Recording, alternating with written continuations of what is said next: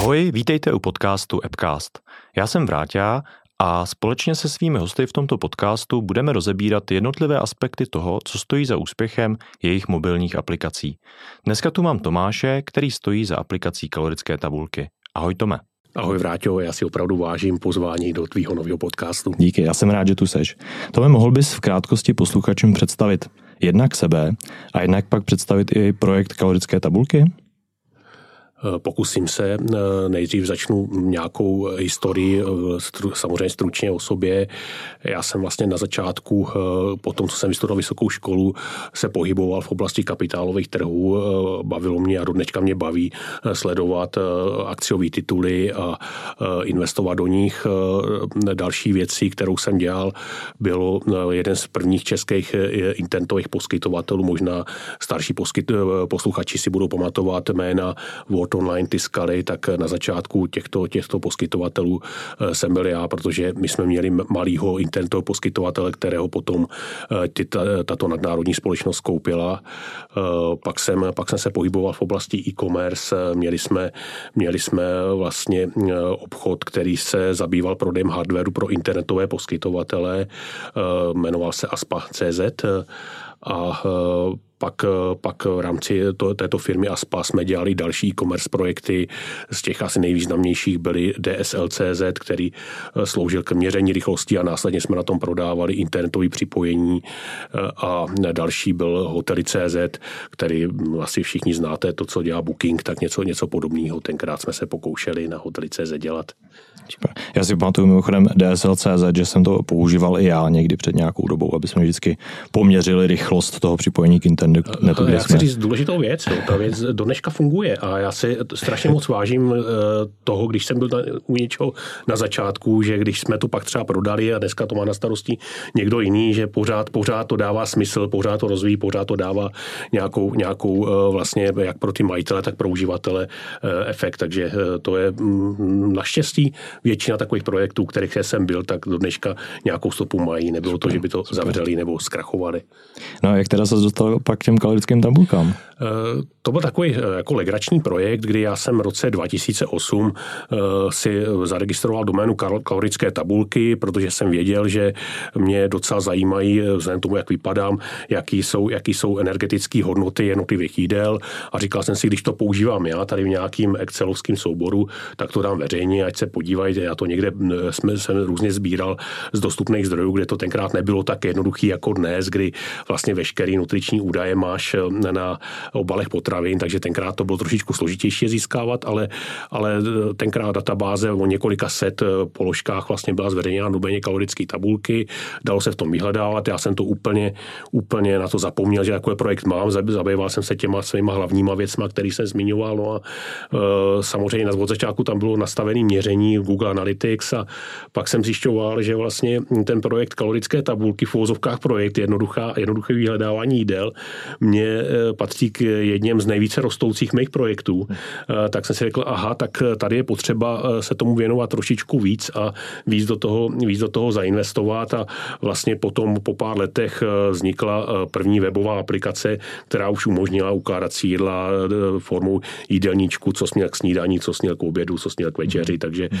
to se pak tenkrát čistě z desktopu objevilo, já bych řekl někdy, někdy 2011-12, tak nějak mm. mohlo být. Ale úplně ta první verze, to bylo teda, v jakém to bylo formátu, když to nebyla teda jako webovka, nebo jak, jak bylo, to, to, bylo, to, bylo to desktop webovka, na který bylo čistě jako eh, hloupá funkce, zadá se název potraviny a mm-hmm. vyjela, tuším, že jenom kalorická hodnota, dokonce tenkrát jsem ještě neřešil vůbec, já možná jsem to ani nevěděl, že existují nějaký živiny, který je, že kalorie nejsou všechno a mm-hmm. je potřeba se zabývat samozřejmě, samozřejmě nutričním složením potravin. A, a ty, ty čísla, to jsi pozbíral ty z trhu, nebo jakým způsobem jsi to Už dostal? tenkrát se dali nějaký databáze kupovat. Eh, eh, I do dneška vlastně některé data, data kupujeme.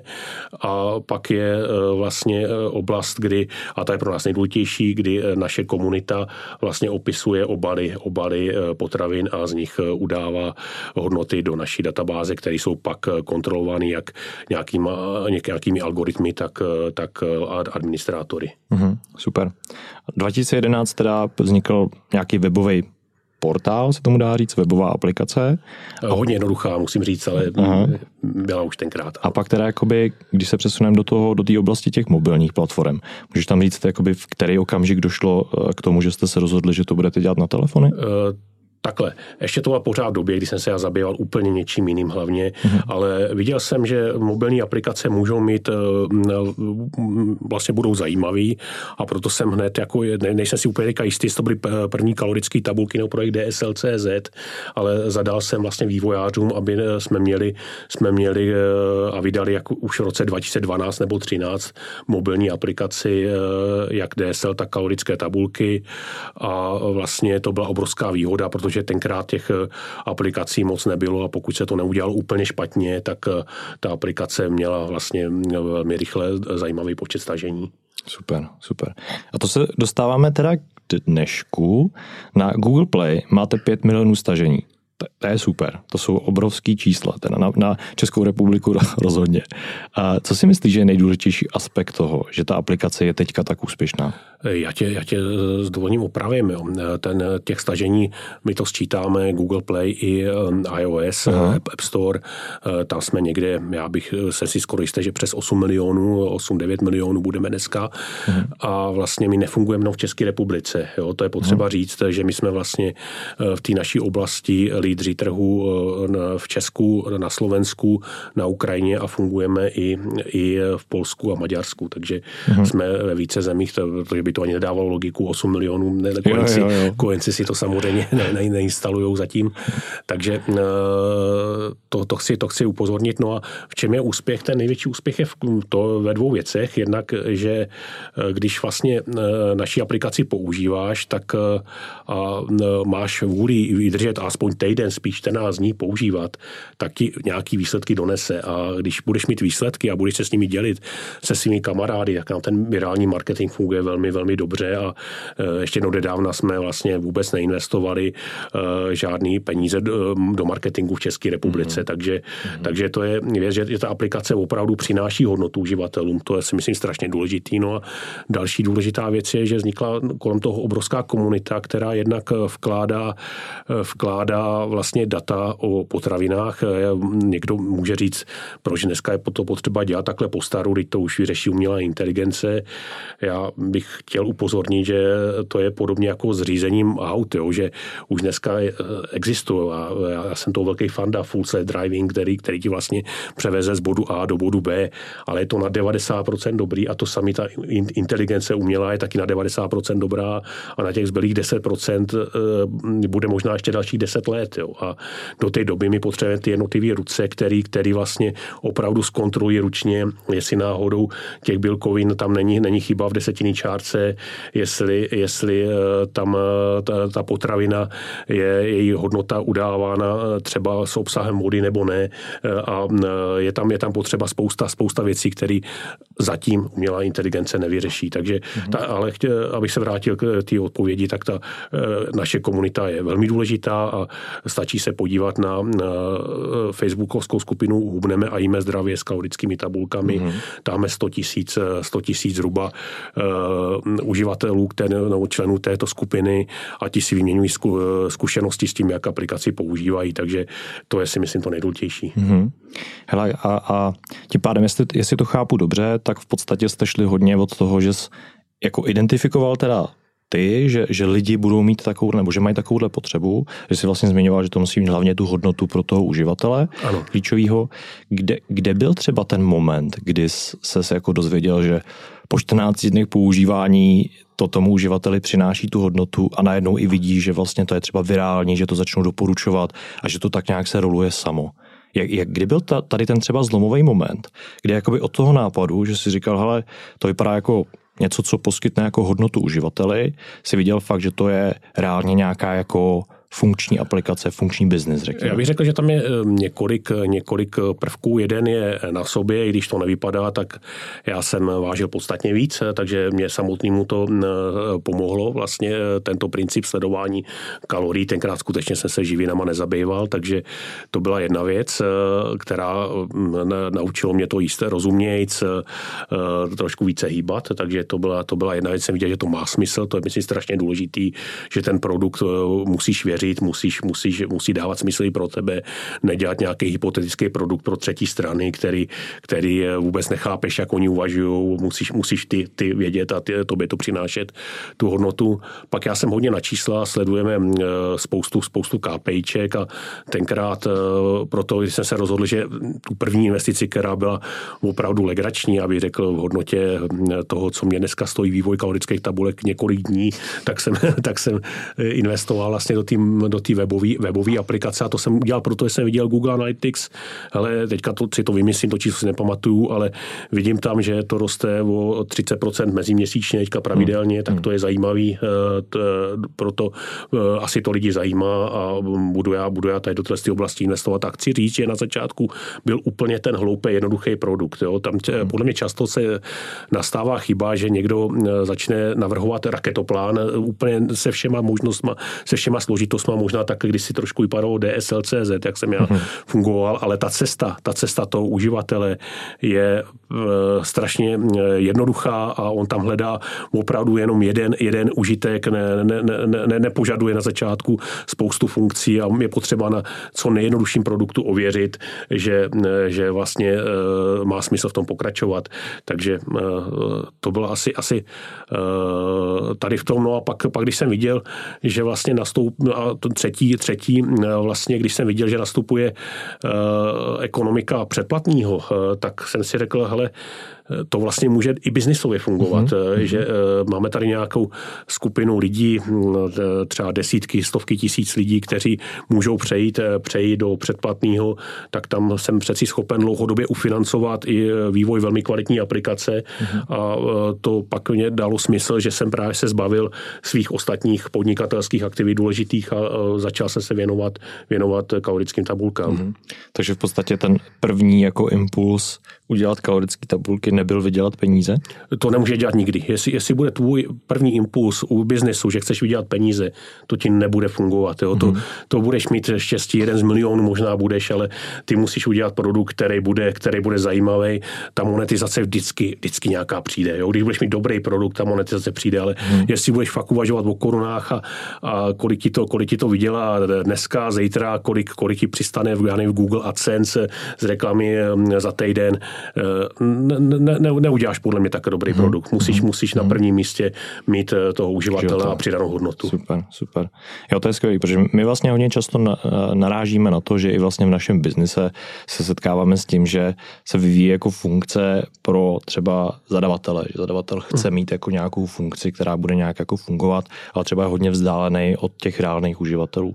Tam to dost často naráží jako na to, že vlastně se nepotkává hodnota pro toho uživatele, ale vlastně vzniká hodně jako, že se ty funkce začínají nabalovat a ten uživatel vlastně nechápe, proč to tam je v té apce. Takhle, takhle asi fungovalo starý DSL.cz, on nevím, jestli to je někde spustili, tam byly všechny moje nápady, co, co mě napadlo, co by to ještě mohlo mít a pak to, pak to nikdo nechápal a, a to si vím, jak to máme složitý dneska, kdy aplikaci používá plus minus milion lidí měsíčně, kolik těch nápadů, nápadů chodí mm-hmm. a kdyby jsme jich měli jenom 10% vlastně realizovat, tak se z toho stane za chvíličku totálně, mm. totálně ne, nepřehledný myšmaš. A, jo, ale mně tam právě přijde super to, jak jsi říkal, že vlastně jsi to dělal jako primárně jako to, že ty jsi byl ten hlavní uživatel, to, že jsi to chápal, to, že jsi jako řešil, že vlastně děláš produkt jako uh, pro sebe, což může být teda taky past, protože pak, když nadizajnuješ ty funkce jenom pro sebe, tak ty uživatelé to přesně nemusí chápat, ale jako vlastně ta, ta hodnota tam vlastně v té aplikaci je, když, když to jakoby uděláš pro svoji, jako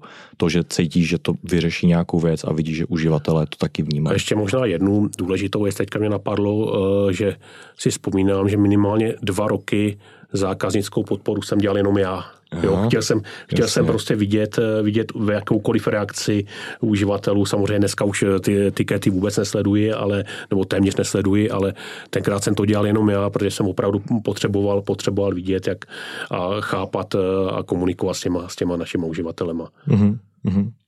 Vzpomeň si, jaký byl pro tebe nebo tvůj tým nejtěžší okamžik? Jaká tam byla nejtěžší překážka Jasně, za historii jakoby vývoje Je aplikace? to několik let dozadu, já bych řekl mm, možná eh, tři roky a něco, kdy vlastně my jsme v biznesu, kde úplně nejklíčovější je začátek roku. Je to o předsevzetích, každý si říká, my se staneme od nového roku novými lidmi eh, a vlastně eh, zhruba platí, že první kvartál roku je zhruba dvojnásobek toho, co se dosáhne ve čtvrtém kvartálu, takže je ten první kvartál pro nás opravdu velmi důležitý a my jsme se tenkrát dohodli a teďka asi hodně lidí pobavím, že budeme v první kvartál nasazovat zcela novou verzi, zcela novou verzi, kompletně předělanou vlastně našeho backendu a naší Android aplikace.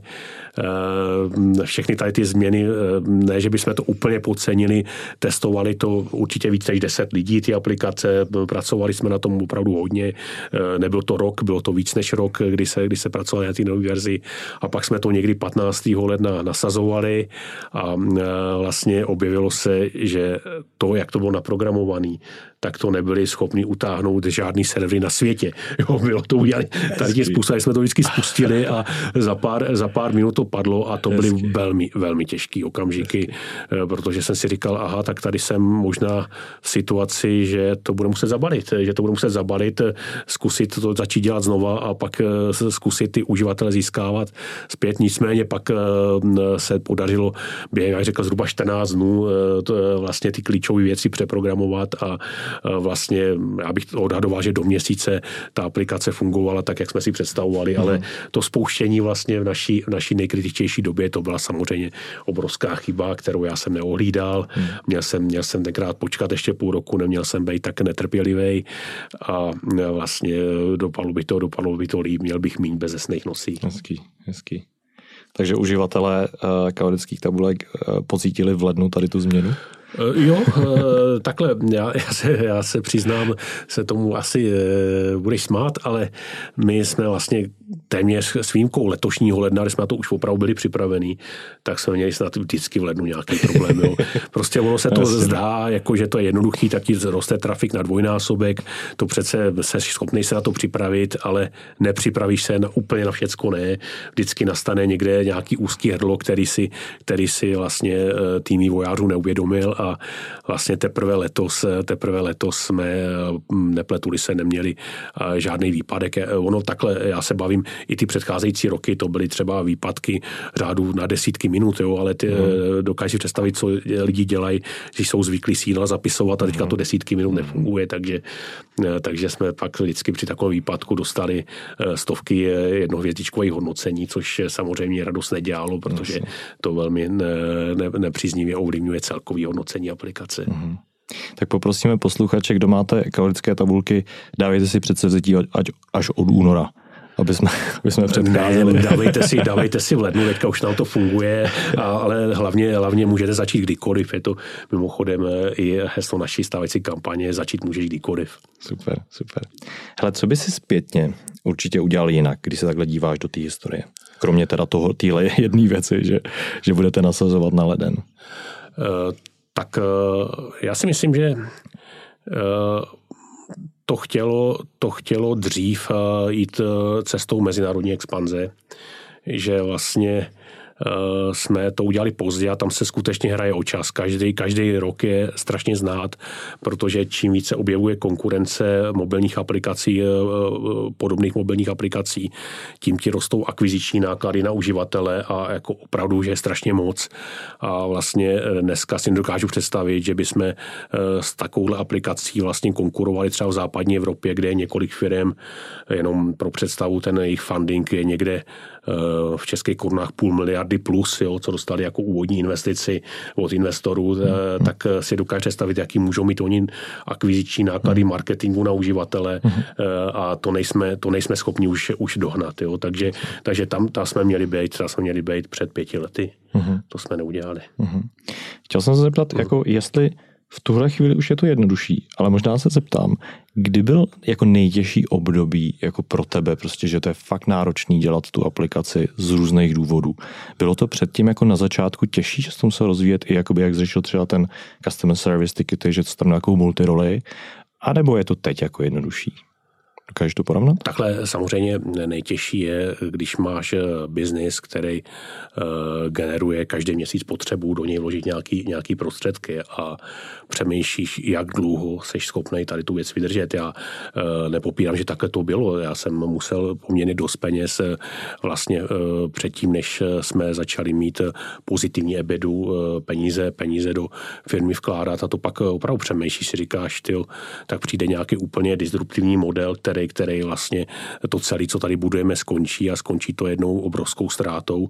Takže, takže to, to s každým tím eh, převodem z účtu na, na to, aby ta firma mohla, mohla dál fungovat, tak to je, to je samozřejmě eh, záležitost, která není, není vůbec, vůbec lehká.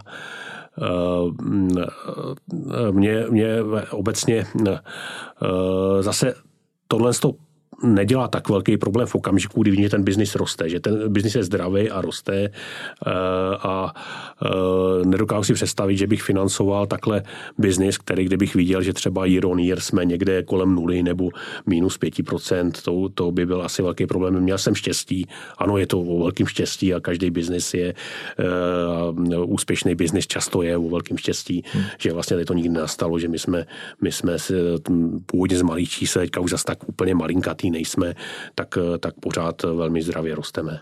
Mm-hmm. A teda, když se vrátím k té otázce, co bylo nejtěžší období? Nebo jakoby, jestli to bylo těžší teďka, nebo předtím, nebo je to těžší pořád? pořád je to, pořád je to uh, strašně těžký, protože uh, pořád musíš sledovat uh, konkurenci, kterou uh, sice tady na našem trhu nemáme tak silnou, ale uh, v západní Evropě a v, v Americe je velmi, velmi silná. Je jistý, uh, že dřív nebo později se tady na tom našem trhu objeví a vlastně není to tak, že když firma uh, se dostane vlastně do černých čísel, že by to bylo, že by to bylo jednoduchý, pořád, pořád velkou část toho, co vyděláme, věnujeme dál do vývoje a e, vlastně rozhodně bych to nenazval jednoduchou zájitostí. Asi, asi není tajemství, že dneska sehnat kvalitní vývojáře je velmi těžký úkol a obecně záležitosti týkající personalistiky v tom nejsem silný, to mě to, to úplně dobře dělat neumím. Na druhou stranu máme většinu, většinu zaměstnanců, máme tam pět let plus, eh, opravdu u nás fluktuace je, je minimální, eh, takže, eh, takže i teď je to těžký a v minulosti bylo, bylo to nejtěžší, prostě to, to, to, ta představa, že může se budovat něco, co nakonec skončí, skončí vlastně velkou prohrou, no. Hmm. takže to, hmm. asi, bych, asi bych to ne, ne, neřekl, že, že dnes, dneska je to výrazně jiný než před pěti lety tady z toho tvýho okay. pohledu. Okay. Díky. Hele, kdybys měl dát uh, jednu radu, poradit jednu věc, zás, uh, zásadní radu člověku, který chce stavět aplikaci nebo nějaký digitální produkt, co by to bylo? Jasně. Udělej to co nejjednodušší. Eh, I když tu už budeš myslet, že to je velmi jednoduchý, tak se to pokus ještě aspoň dvakrát v několika iteracích zjednodušit a vlastně co, nej, co nejrychleji udělej nějaký MVP, který ti prokáže, zda vlastně tvůj produkt eh, dává smysl nebo ne a až potom začni do toho investovat víc času. Třeba z pohledu, z pohledu technologií asi bych nedoporučil tu cestu, kterou jdeme my, že máme nativní vývoj na iOS i Android, je to nesmírně drahý, začít nějakou multiplatformou, nebo když to bude, tak klidně, klidně eh, webem, jo, klidně začít jenom webovým řešením. Mm-hmm. Takže ale hlavně ať je to co nejjednodušší a, a když to jenom trošku jde, tak těch třeba produktů je víc a uvidíš, který, který bude nejzajímavější a pak na ten se začneš soustředit. Jasně, jasně. Hele, a na co by si měl ten člověk dát určitě pozor? Čemu by se měl vyvarovat? No, měl by se jí varovat defokusu, jo, protože jakmile e, máš, máš něco, co se začíná, začíná e, vypadat zajímavě, tak se objevuje v tvý hlavě, v nápadech kamarádů spousta, spousta věcí, co bys mohl ještě dělat e, líp, co bys mohl dělat jinak a často to jsou věci, které tě můžou úplně, úplně odníst od toho základního, ty základní přidané hodnoty tvojí aplikace. Takže já si myslím, že, že ty jsi do toho šel s něčím, co ta aplikace má přinášet přinášet, nebo ten digitální produkt a to se musíš pokusit, pokusit pořád držet a nenechat se zvyklat tím, že možná teďka by bylo víc peněz, kdyby tam začal nabízet nějakou velmi agresivní reklamu, nějakou novou formu. To není, není řešení. Mm-hmm. Musíš, musíš se držet vlastně toho, s čím jsi to začal dělat a, a tu hodnotu, tu hodnotu pořád držet. Super. Já jsem vyčerpal své dotazy. Možná ještě to, jestli nám řekneš třeba, co vy plánujete teďka v kalorických tabulkách do budoucna, co se tam rýsuje. Jasně. Takže uh, určitě uh, chceme dál uh, zlepšovat i naše aplikace. Máme tam uh, ta základní věc je, že nejotravnější je zadávání, zadávání vlastně uh, potravin, který si snědl, takže chceme či, či, nabízet čím dál lepší predikce, aby jsem musel, nemusel o tom tolik, tolik přemýšlet a, a třeba i trošku víc radit tomu, co bys měl, co bys měl jíst, takže tam eh, ty, eh, ty vlastně nápady a roadmapa toho B2C produktu je docela, docela dlouhá a eh, myslím si, že se můžou uživatelé ještě letos těšit na pár zajímavých věcí. A co bych ještě chtěl zmínit, že já začal, začal budovat takovou druhou nohu našeho biznesu, to je B2B, kdy vlastně díky tomu, že tam máme řádově, řádově do 40 milionů záznamů jídel měsíčně, který naši uživatelé vlastně zadávají do kalorických tabulek, tak já mohu ty data anonymizovat. To je důležité, že ty data samozřejmě anonymizujeme. To. A vlastně z nich eh, máme eh, určitý eh, vlastně analytický produkt, říkám mu Dynalytics, webovky Dynalytics.io jsou už veřejný, veřejný a i ten produkt už je v beta verzi funkční, kdy vlastně pomáháme, pomáháme výrobcům potravin sledovat trendy a myslím si, že máme data poměrně unikátní protože výrobci mají, mají data vlastně o tom, co se prodává, to oni perfektně vidějí. Mají to ze jednotlivých supermarketů, to vidějí, ale už nevědí, kdo to jí. Vůbec nevědí, jestli to snědli, snědl třeba 60-letý muž nebo 10-letý dítě a to, to jsou data, které mm. jsou u nás. Takže. Eh, tady to věřím, že se nám podaří vlastně eh, tento produkt eh, prosadit. Super, super. Díky tomu za rozhovor a kalorickým tabulkám přeju hodně spokojených uživatelů, ať to frčí do budoucna. Vraťo díky a já přeju úspěch tvýmu novému podcastu. Díky. Vznik tohoto podcastu byl umožněn především díky podpoře našeho Megumetod týmu. Kluci a holky z Megumetod se zaměřují právě na to, aby pomáhali na svět takovým úspěšným aplikacím. Jestli přemýšlíte o tvorbě nové aplikace nebo digitálního produktu, a nejste si úplně jistý, jaké udělat další kroky, napište nám, my se s vámi o tom rádi pobavíme a třeba najdeme nějakou společnou cestu. A v příští epizodě už se můžete těšit na Alana, který stojí za aplikací Investown. Alan s klukama k tomu přistoupili velmi produktově a zvolili určité produktové techniky, které jim zajistily, že ta aplikace nebude propadák.